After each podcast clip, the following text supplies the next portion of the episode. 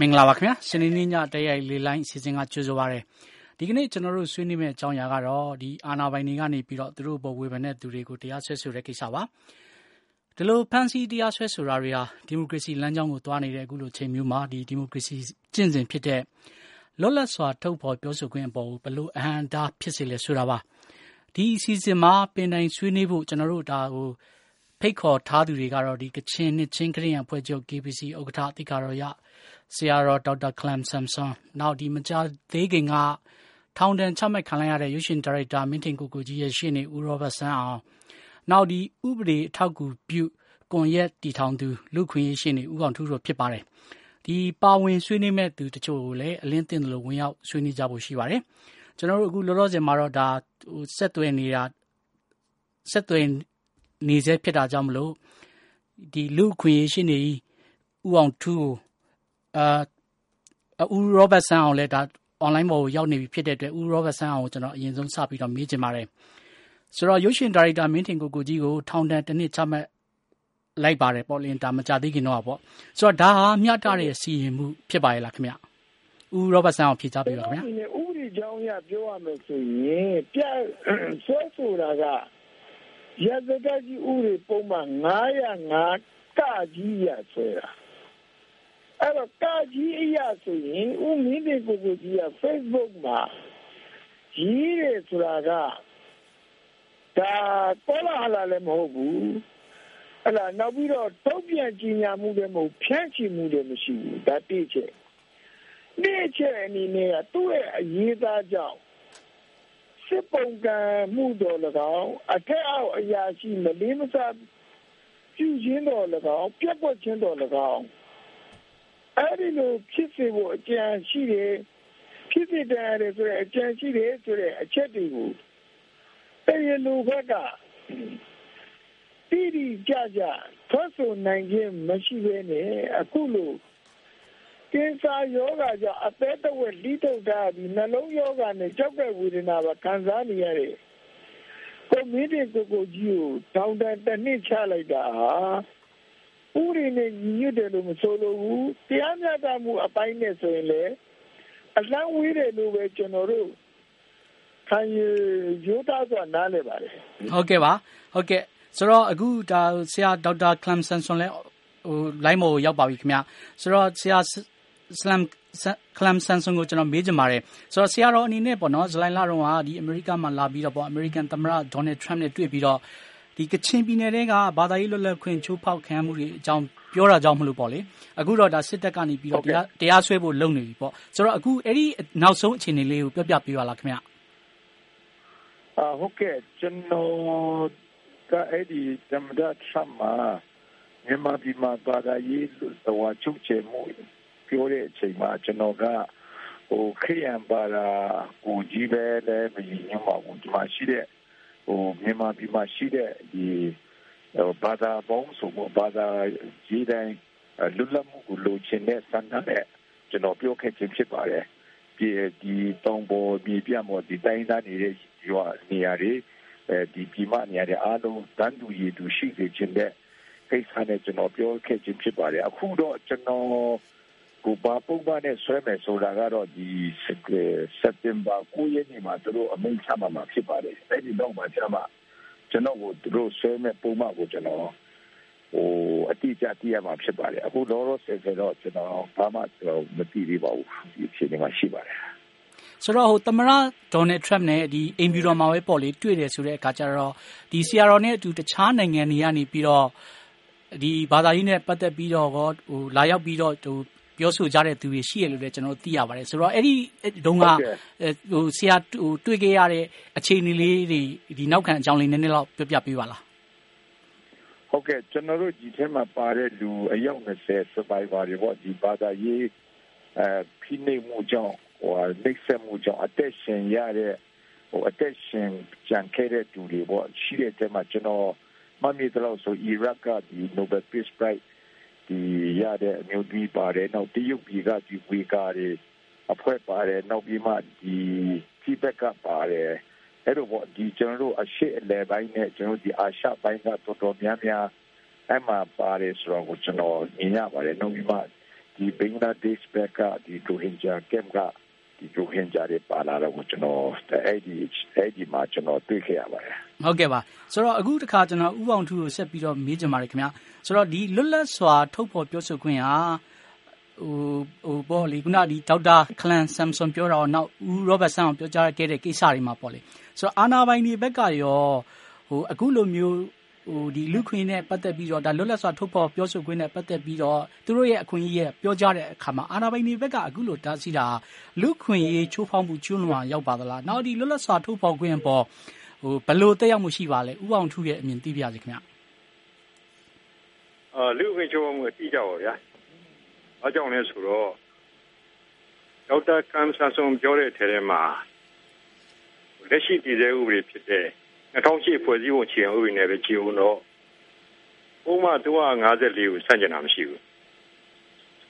ဥပမာ354မှာအဓိကကန့်သက်ထားတာနိုင်ငံတော်လုံခြုံရေးပဲ အဲ့တော့ဒေါက်တာခန်းဆန်ဆုံးပြောလိုက်တဲ့အတွက်နိုင်ငံတော်လုံခြုံရေးထိခိုက်ပါတယ်လို့ပြောစရာအကြောင်းမရှိဘူးအဲ့တစ်ချက်နောက်တစ်ခုကဒေါက်တာခန်းဆန်ဆုံး crime ရပြစ်မှုရဆွဲစရာအကြောင်းကိုမရှိဘူး။ဘာကြောင့်လဲဆိုတော့လွတ်လပ်ထုတ်ဖို့ပြောဆိုခွင့်ဟာ crime မဟုတ်ဘူး။အခုသူပြောသွားတဲ့ဟာအကုန်လုံးကအင်္ဂလိပ်လိုမှလို့အတိအကျကျွန်တော်တို့ရှိမှရှိတယ်။ဆိုတော့သူပြောတဲ့နေရာကလည်းပဲအမေရိကန်နိုင်ငံမှာပြောတာ။အ မေရိကန်နိုင်ငံရဲ့ဖွဲ့စည်းပုံအခြေခံဥပဒေမှာကူကလွတ်လပ်စွာထုတ်ဖို့ပြောဆိုခွင့်ကိုကန့်သတ်ဟန်တာတဲ့ဘယ်ဥပဒေမှမပြုရဆိုတာကရန်တာပြီးသားဖြစ်တယ်။ဆိုဒီအခြေခံသူပြောသွားတဲ့အခါမှာမြန်မာနိုင်ငံတရားရုံးကဘာဥပဒေနဲ့ဆွဲမှာလဲ။ငါတဲ့ငါတဲ့မှာစီမံခွင့်ရှိသလားဥပမာကျွန်တော်ဘုမနေရာရဆက်လိုက်တယ်ကစစ်ပြီးတော့အဲဒေါက်တာကလမ်ဆန်ဆိုတာဒီအမှုကျူးလွန်လားမကျူးလွန်လားဆိုရဲဟုတ်သူဆုံးမခိုင်းမယ်ဘယ်လိုတော့ဆုံးမလဲဆိုကျွန်တော်နိုင်ငံမှာ ဒီတဲ့ဥပဒေကျွန်တော်ပြောစားကျွန်တော်ဥပဒေဆိုရှိတယ်အဲ့ဥပဒေက Google jurisdiction တော့ရှိတယ် data ဆိုင်ရာစီမံခွင့်အနာလို့ခေါ်တယ်တော့မှုဖြစ်ပွားတာကအမေရိကန်မှာဖြစ်ပွားတာမိကမလောလောသူသူပြောဆိုရာခိုင်နှုန်းပြပေးလိုက်တာ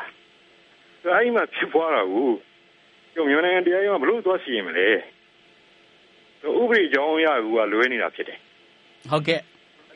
ဟုတ်ကဲ့အဲ့တော့ဒီတကယ်တော့တရားရုံးကဒီမှုလက်ကိုမခံမဲ့တန်းပေချလိုက်ရမှာဟုတ်ကဲ့ပါခင်ဗျာဥကြမှုကဖြစ်စဉ်တွေတင်တာကတရားရုံးကဘဲလိုက်နေသလားလိလာမယ်ကျွန်တော်ဖြစ်လာတယ်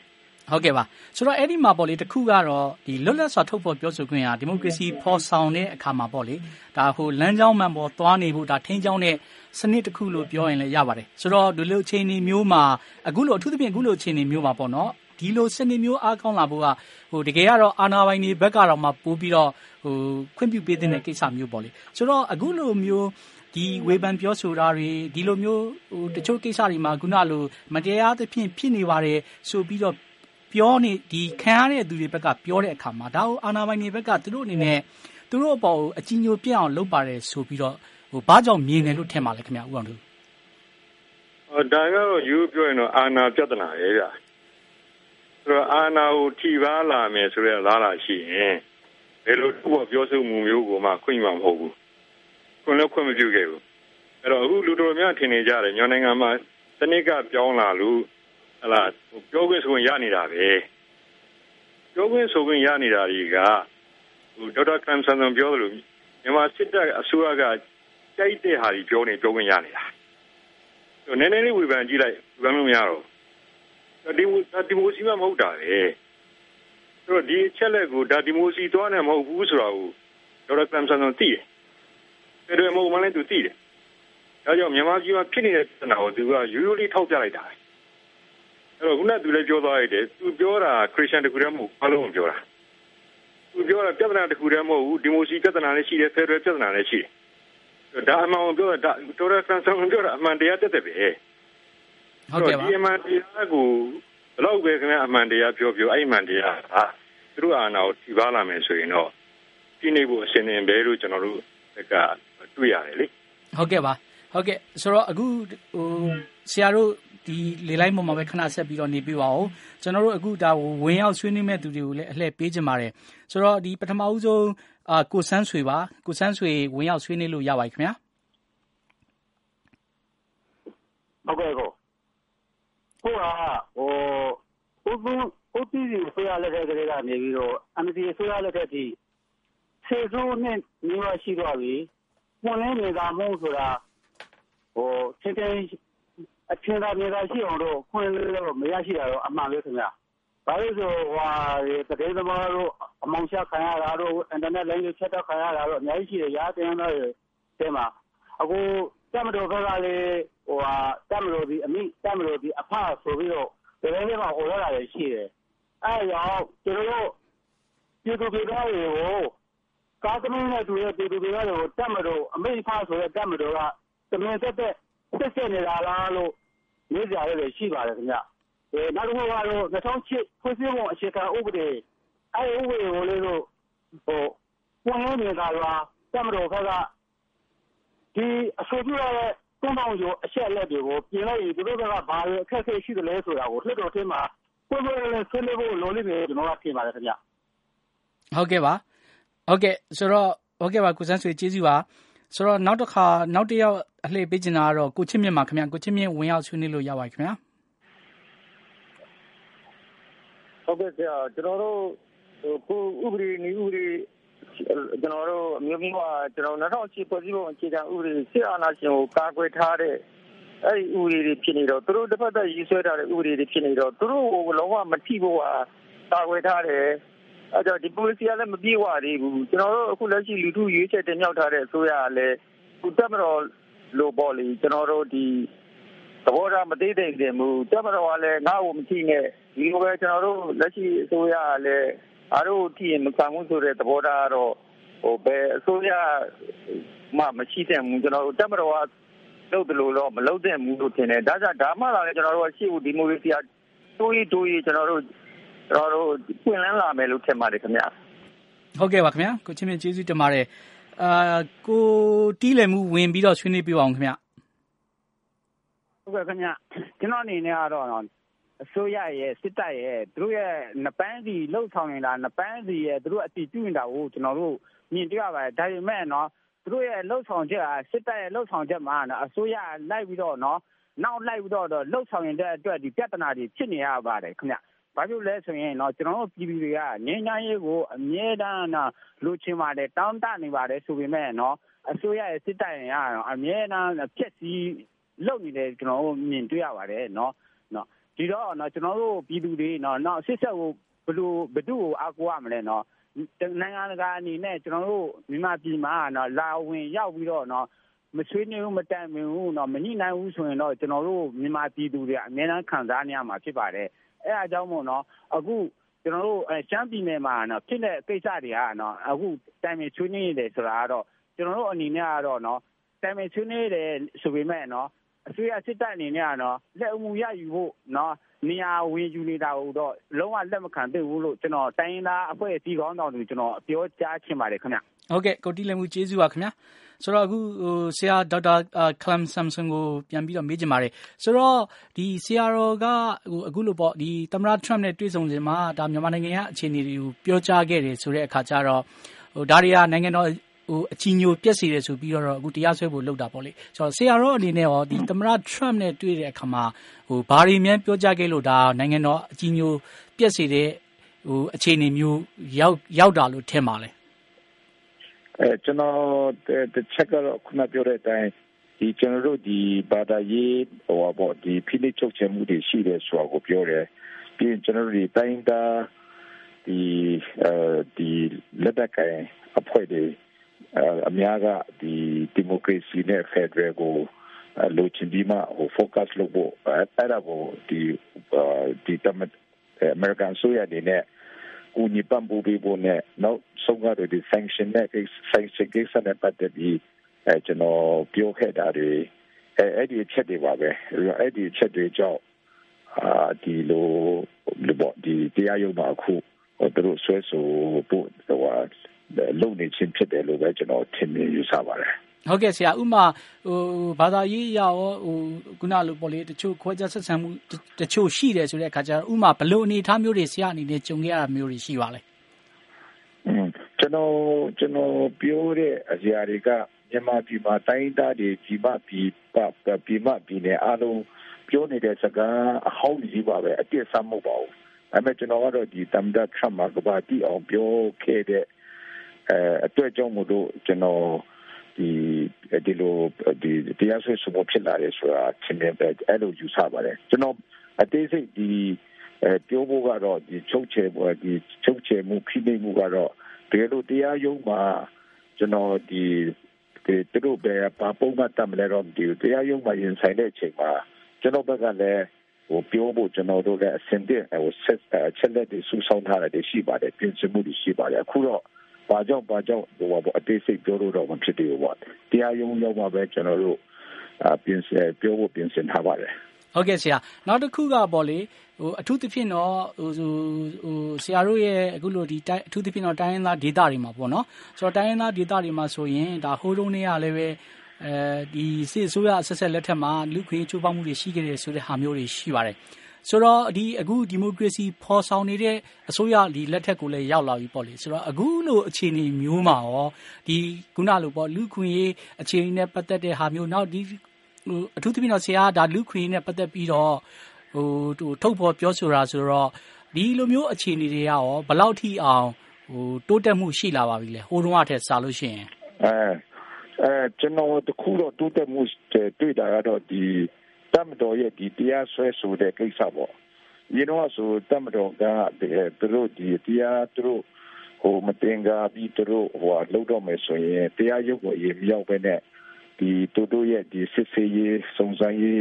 ခန်းကိုရေရောက်ပြီးမှနောက်ဆုံးမှတရားရုံးကိုပို့တာရှိတယ်။ဒါပေမဲ့အခုဒီဒီအချိန်မှာတော့ဒီတမတော်ကလည်းတရားရုံးကိုဦးတိုက်ဒီလိုဆွဲဆိုလာတာကတော့ တိုးတက်ပြောင်းလဲမှုတစ်ခုလိုပဲမြင်ပါတယ်အဲ့ဒါကတော့ကျွန်တော်တို့လည်းဒါကြိုးစုတယ်ထောက်ခံတယ်ဒါဆိုကျွန်တော်တို့တရားရုံးမှာဘာမှဒီနှိမ့်ဆက်ခြင်းဟောဘောချင်းချုပ်ခြင်းမခံရဘဲနဲ့တရားရုံးမှာပုလင်းနေတာဆိုတာဒီပြောဆိုနိုင်တာကတော့ဒီပြောင်းလဲလာတာတခုလို့ကျွန်တော်ဒီပွင့်ပွင့်လင်းလင်းအဲ့ဒါကိုတော့ဟိုဝမ်ဝမ်တာဆိုကြိုးဆိုတာကိုယူပါတယ် ဟုတ်ကဲ့ဆိုတော့နောက်တစ်ခုကအဲ့မှာကျွန်တော်ဟိုတခုပေါ့လေဒီဟိုမေးချင်တာဒီ2015နှစ်စမ်းပိုင်းလောက်တုန်းကဒါဆိုဆရာတို့ဒီတာနာပြုအဖွဲ့အစည်းနဲ့တွေ့နော်ကချင်ဆရာမလေးနှစ်ယောက်ဒီဒီဟိုကိစ္စပေါ့လေဒီမရင်းကျင့်ပြီးတော့အသက်ခံခဲ့ရတဲ့ကိစ္စမှာလည်းပဲဆိုတော့အဲ့ဒီအခြေအနေတွေရောဒီနောက်ပိုင်းမှာဘယ်လိုဆက်ပြီးတော့ဖြစ်သွားပါလဲအဲအခုတတိကျွန်တော်တို့ဒီကိစ္စကဒီစုံစမ်းဖော်ထုတ်ဖို့ကတော်တော်ကိုခက်သွားတယ်ပြီးရင် ကျွန်တော်ဒီတက်တီခံပစ္စည်းတွေဒီတင်ထားတဲ့ဒီ yes ခံမိုးဒီကလည်းပြောင်းသွားတယ်ပြီးရင်ကျွန်တော်တို့ကဆက်လက်စုံစမ်းတဲ့အချိန်မှာဒါကတော်တော်ကိုဟိုရှစ်တူဖို့တော်တော်ခက်ခဲတဲ့အခြေအနေမှာရောက်သွားတယ်ဒါကြောင့်မို့အဲကျွန်တော်တို့ကတော့အခုအမှုမှန်ဖော်ထုတ်ရေးကော်မတီဆိုတာဆက်လက်ရှိသေးတယ်ကျွန်တော်တို့တတ်နိုင်တဲ့ဘက်ကနေကျွန်တော်တို့ဆက်လက်စုံစမ်းနေဆဲဖြစ်ပါတယ် ဆိုတော့ ကျွန်တော်ဟိုမှတ်မိသလောက်ဆိုရင်ပေါ့လေ အဲ့ဒီအချိန်တုန်းကတော့မှ ဒီ NLD ဘက်ကနေပြီးတော့ပေါ့နော် ဒီအမှုမှန်အထူးသဖြင့် ခုနလိုပေါ့ဒီတိုင်းရင်းသားတွေအရေးဒါငင်းငင်းအတွက်ဆောင်ရွက်နေတဲ့အချိန်မျိုးမှာအခုလိုမျိုးဖြစ်သွားတဲ့အတွက်ပေါ့လေဒီအမှုနဲ့ပတ်သက်ပြီးတော့ဒီအမှုမှန်ပေါ်အောင်ဆောင်ရွက်ဖို့ဆိုပြီး NLD ဘက်ကကြီးညံချက်ထုတ်ပြီးတိုက်တွန်းတဲ့အခြေအနေတွေဘာတွေအထီတောင်ရောက်ခဲ့တယ်လို့ကျွန်တော်တို့သိရပါတယ်ဆိုတော့ဟိုဘာမှတော့ထပ်ပြီးတော့မထူးဘူးပေါ့နော်အဲ့ဒီထက်တော့อืมအဘာမှအထူးကြောင့်မရှိပါဘူးအခုအဲ့တော့ဒီ အဲအစိုးရဘက်ကလည်းဟိုဒါဟိုဟိုကိုကြီးတယ်ဆောင်ရွက်တယ်ဆိုတာမရှိပါဘူးဒီတိုင်းပဲကျွန်တော်တို့ကတော့ဒီ campaign စိတ်နဲ့ဒီအမှုမှန်ပေါ်ထွက်လို့တဲ့စိတ်နဲ့ဆက်လက်စုံစမ်းနေတာပဲရှိပါတယ်ဟုတ်ကဲ့ပါဆိုတော့အခုတခါကျွန်တော်ရှင်းနေဦးရောဘတ်ဆန်းအောင်မေးချင်ပါတယ်ခင်ဗျာဆိုတော့ဦးရောဘတ်ဒီ ဒါရိုက်တာဒီကိုမင်းတင်ကိုကိုကြီးကိုဟိုအခုလိုမျိုးဒီထောင်ဒဏ်ချလိုက်တယ်ဆိုတဲ့အခါကျတော့ဟိုသူအနေနဲ့ဟိုဘလို့အကြောင်းအရာတွေကိုဒေါက်တာဟိုမင်းတင်ကိုကိုကြီးအနေနဲ့ပြောခဲ့တာကြောင့်ဒါနိုင်ငံတော်အကြီးအညိုပြတ်မှုဟိုဖြစ်သွားစေတာပါလေသူရေးခဲ့တာဒီဖတ်ကြည့်လိုက်လို့ခြုံပြောရရင်တော့သူကတမလို့ကောင်းစီခြင်းလို့ဝေဖန်ထောက်ပြတာပဲတမလို့ကိုစိုးရုပ်နစ်နာသွားကြည့်တော့ဆိုတော့ရည်ရွယ်ချက် အကြံစီမရှိပါဘူးတော့သူကတော့ဒီလိုပေါ့ဗျာဟလာတိုင်းပြည်အကြီးကျယ်လုပ်တဲ့ပုံစံကြီးအာဘေးရင်ကင်းကအရရရာတွေအဲ့ဒါမျိုးတွေမရှိသေးဘူးဆိုတဲ့အကြောင်းဟလာစသည်ဖြင့်ပေါ့အဲ့ဒီလိုအကောင်းဘက်ကနေပြီးတော့တတက်မတော်ကအစင်မြဲလို့လို့တိုင်းပြည်ကာကွယ်ရေးအတွက်လိုချတက်ကြွစေခြင်းနဲ့ရည်ချင်းနဲ့ သူ့ရဲ့အရေးသားတွေကရေးတာပါတော့အဲ့ဒါကိုရေးရုံနဲ့ရေးတယ်ဖြတ်ချီတာလည်းမရှိဘူးထုတ်ပြန်ကြေညာတာလည်းမရှိဘူး Facebook လို့နေရာမှာလူကွေကြေညာစရာအပိုက်19နဲ့ဖွဲ့စည်းပုံအခြေခံဥပဒေပုံမှန်354ပါလွတ်လပ်စွာတွေးတောကြံစသုံးသပ်ခွင့်ရှိရဲဆိုတဲ့ ဒီအခွင့်အရေးကိုသူကျင့်သုံးပြီးတော့သူရေးတာပါတော့အဲ့တော့အခုလို Facebook မှာရေးတဲ့အတွက်လို့ပြောမယ်ဆိုရင်သူ့ကအစာပေါင်းများစွာရေးနေတဲ့ပြီးတော့ဖြန့်ချီနေတဲ့ journal တွေလည်းရှိတာပဲဒါပေမဲ့လို့ဘာကြောင့်လဲဆိုတော့မင်းဒီကိုကိုကြီးကလူကွင်းနဲ့လူပုံသိက္ခာစသည်ဖြင့်ရုပ်ရှင်တွေရိုက်တယ်ပါတယ်ထင်ပေါ်ကြော်ကြားတဲ့လူကြောက်ကလည်းဖြစ်နေတယ်ကြာဟုတ်ကဲ့တော့အဲ့တော့ ပြောချင်တာတော့ freedom of expression ကိုပြောက်တဲ့သဘောလိုဖြစ်နေတဲ့အတွက်များစွာစိတ်မကောင်းဖြစ်ရပါတယ်ဟုတ်ကဲ့ပါခင်ဗျဦးရောဘတ်ကျေးဇူးပါခင်ဗျအခုတစ်ခါတော့ကျွန်တော်ဥအောင်ထူပြကြပေးစီလိုပါတယ်ဆိုတော့ဒီနိုင်ငံတော်အကြီးညိုပြည့်စုံမှုဆိုတာဟာဥပဒေကြောင်းအရာရောရှိသင့်ရှိလိုက်တယ်လို့ထင်ပါလားဥပမာနောက်တစ်ခုကဒီနိုင်ငံတကာမှာဆိုရင်ပေါ့လေဒီသမရဒေါ်နယ်ထရမ့်တောင်ပေါ့နော်ဒါသူ့ကိုမကြိုက်ကြတဲ့သူတွေကဆိုလို့ရှိရင်သမရဒေါ်နယ်ထရမ့်ပုံကိုဒီလေပူပေါင်းရုပ်အကြီးလုပ်ပြီးတော့ ဟိုဒီမြို့တွေထဲမှာလိုက်ပြီးတော့ဆွဲကြတယ်ဆိုတော့ဟိုနောက်ဆုံးမိတ်ဒီအိမ်ဗျူတော်သူနေတဲ့အိမ်ဗျူတော်ရှေ့မှာတော့မှသွားပြီးတော့ဟိုချိတ်ထားတာမျိုးတွေပါတွေဒီအကြီးပေါ့လေဆိုတော့ဒီလေပူပေါင်းရုပ်အကြီးကိုသွားပြီးတော့ဟိုသူအိမ်ဗျူတော်ကနေမြင်တောင်သွားပြထားတာမျိုးတွေပါတွေအထိတောင်လောက်ကြပါတယ်ဆိုတော့အခုလိုဒီဒီဆရာ Samsung အပါဝင်ပေါ့လေဒါရီတာမင်းထင်ကိုကိုကြီးတို့ဟိုအခုနလို့သူတို့ပြောပြောကြဆိုကြတဲ့ကိစ္စတကယ်ကတော့ပေါ့လေ ညာတွေဟာဟိုဒီမိုကရေစီကိုသာသွားနေတဲ့ဒီမိုကရေစီကိုသာလက်ခံခြင်းတဲ့သူတွေဆိုလို့ရှိရင်အခုလိုဝေဖန်ခံရတာတွေကတကယ်လို့တွက်ကြည့်ရင်ဒါဟိုသတိထားစရာပြန်ဖြစ်လာပြီးတော့ဟိုဒါကိုယ့်အတွက်ပို့ပြီးတော့အထောက်ကူဟိုဖြစ်စီတယ်ဆိုပြီးတော့ဘာကြောင့်သူတို့ဘက်ကမစင်းစားနိုင်ရတာလဲခင်ဗျဟိုဒီလိုရမြန်မာပြည်ကဥပဒေတွေကိုမြန်မာပြည်ကဖွဲ့စည်းပုံအခြေခံဥပဒေနဲ့ကြည့်ရမယ်လေအဲလူ့အခွင့်အရေးပေါ်အခြေခံပြီးတော့ကြည့်ဖို့လိုအပ်လာတယ်ခုန VOA ကမိတ်ဆွေပြောသွားတဲ့ဒီကအခြေအနေကဒီကံဖွဲ့စည်းပုံအခြေခံဥပဒေနဲ့ဆိုင်အဲ့မှာဘာရေးထားလဲဆိုတော့ Congress shall make no law bridging freedom of expression လို့အတိအကျရေးထားတယ်ဆိုတာကလွတ်လပ်စွာထုတ်ဖော်ပိုင်ခွင့်ကိုချုပ်ချယ်တဲ့ဘယ်ဥပဒေမှကွန်ဂရက်ဆာမပြုအောင်ဒါရှင်းရှင်းနေဖွဲ့စည်းပုံအခြေခံဥပဒေကလွတ်လပ်စွာထုတ်ဖော်ခွင့်အာမခံချက်ပေးထားလိုက်တာ အဲ့ဒီအခြေခံကနေပြီးတော့မှဥပဒေအားလုံးပြတာအဲ့တော့ခြားဘယ်ဥပဒေကမှဖွဲ့စည်းပုံကြော်လို့မရဘူးဆိုတော့ကျွန်တော်တည်တဲ့ဥပဒေကိုကြည့်တဲ့အခါမှာဖွဲ့စည်းပုံတော့ချက်ဖြစ်သွားတယ်ဒါအမေရိကန်မှာဒါကြောင့်လောလောဆယ်တို့ပြောဆိုခွင့်ရာဂိုင်နိုးပြည်နေပါရနေတာမြန်မာမှာကြည့်တဲ့အခါကျတော့ဥပမာ354ရဟို2000ကြီးဖွဲ့စည်းဝင်ပုံမှန်354ရ လောလောဆယ်တို့ပြောဆိုရင်ပြီးထားတဲ့အောင်ရှိတော့ညာလေလေ